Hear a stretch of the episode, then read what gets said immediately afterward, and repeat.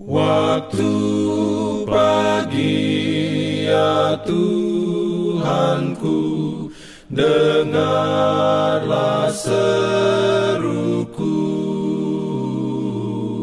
Melayang doa yang sungguh Memandang padamu. Selamat pagi pendengar Radio Advent Suara Pengharapan Mari mendengarkan suara Tuhan melalui tulisan pena inspirasi Yesus nama di atas segala nama.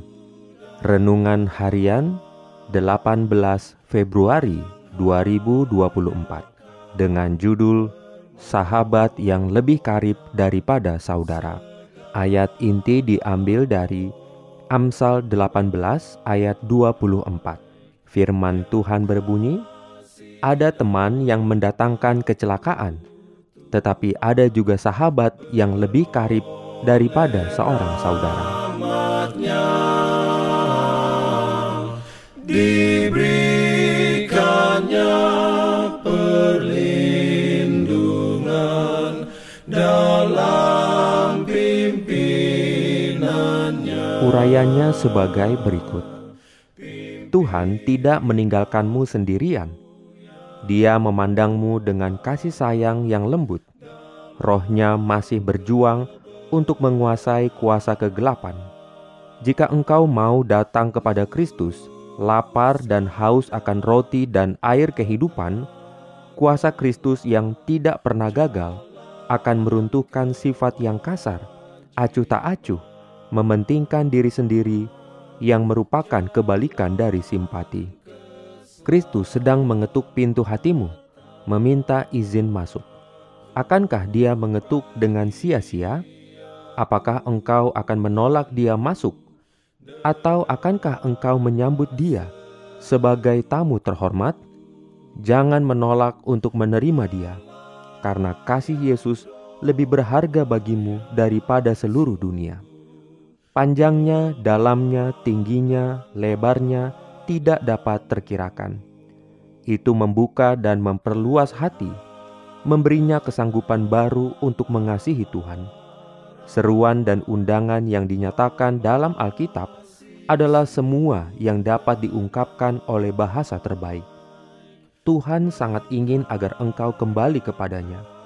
Dia tahu bahwa engkau membutuhkannya, dan Dia membutuhkanmu, karena Dia berkata, "Kamu inilah saksi-saksiku." Engkau melakukan kesalahan serius bagi dirimu sendiri ketika engkau memalingkan wajahmu dari Allah yang hidup. Jangan takut untuk memastikan pengabdian diri sepenuhnya kepadanya. Serahkan dirimu tanpa syarat pada kasih karunia Yesus Kristus.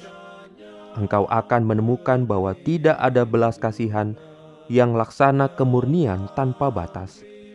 Di bawah kendalinya, engkau menghargai kebaikan, kesabaran, dan kasih Allah yang rela berkorban dan akan mengungkapkannya kepada dunia engkau mungkin berpikir bahwa tidak ada seorang pun yang benar-benar memahami situasimu, tetapi ada oknum yang mengetahui setiap keadaan itu. Dia tahu bahwa engkau tidak memiliki kekuatan atau kebijaksanaan sendiri, bahwa engkau bahkan tidak memahami kebutuhanmu sendiri, dan Dia telah berjanji untuk mencegah jangan engkau jatuh, dan engkau dapat bergantung pada janji ini.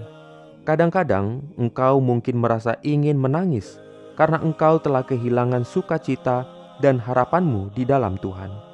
Tetapi Kristus berkata kepadamu, "Bukalah pintu hatimu dan biarkan aku masuk." Dia adalah sahabat yang lebih karib daripada saudara, dan kepadanya engkau dapat menceritakan setiap cobaan, setiap kesedihan, setiap kebutuhan. Dia akan mengajarimu banyak hal yang harganya melebihi emas atau perak, dan memberimu kedamaian dan kegembiraan. Renungkan lebih dalam bagi Anda. Sudahkah saya membagikan apa yang ada di hati saya kepada Yesus hari ini? Diberikannya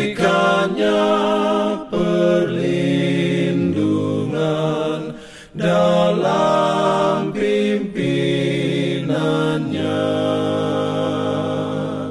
pimpin aku ya Jangan lupa untuk melanjutkan bacaan Alkitab sedunia. Percayalah kepada nabi-nabinya yang untuk hari ini melanjutkan dari buku Yeremia pasal 21. Selamat beraktivitas hari ini. Tuhan memberkati kita semua. jalan kewajiban jalan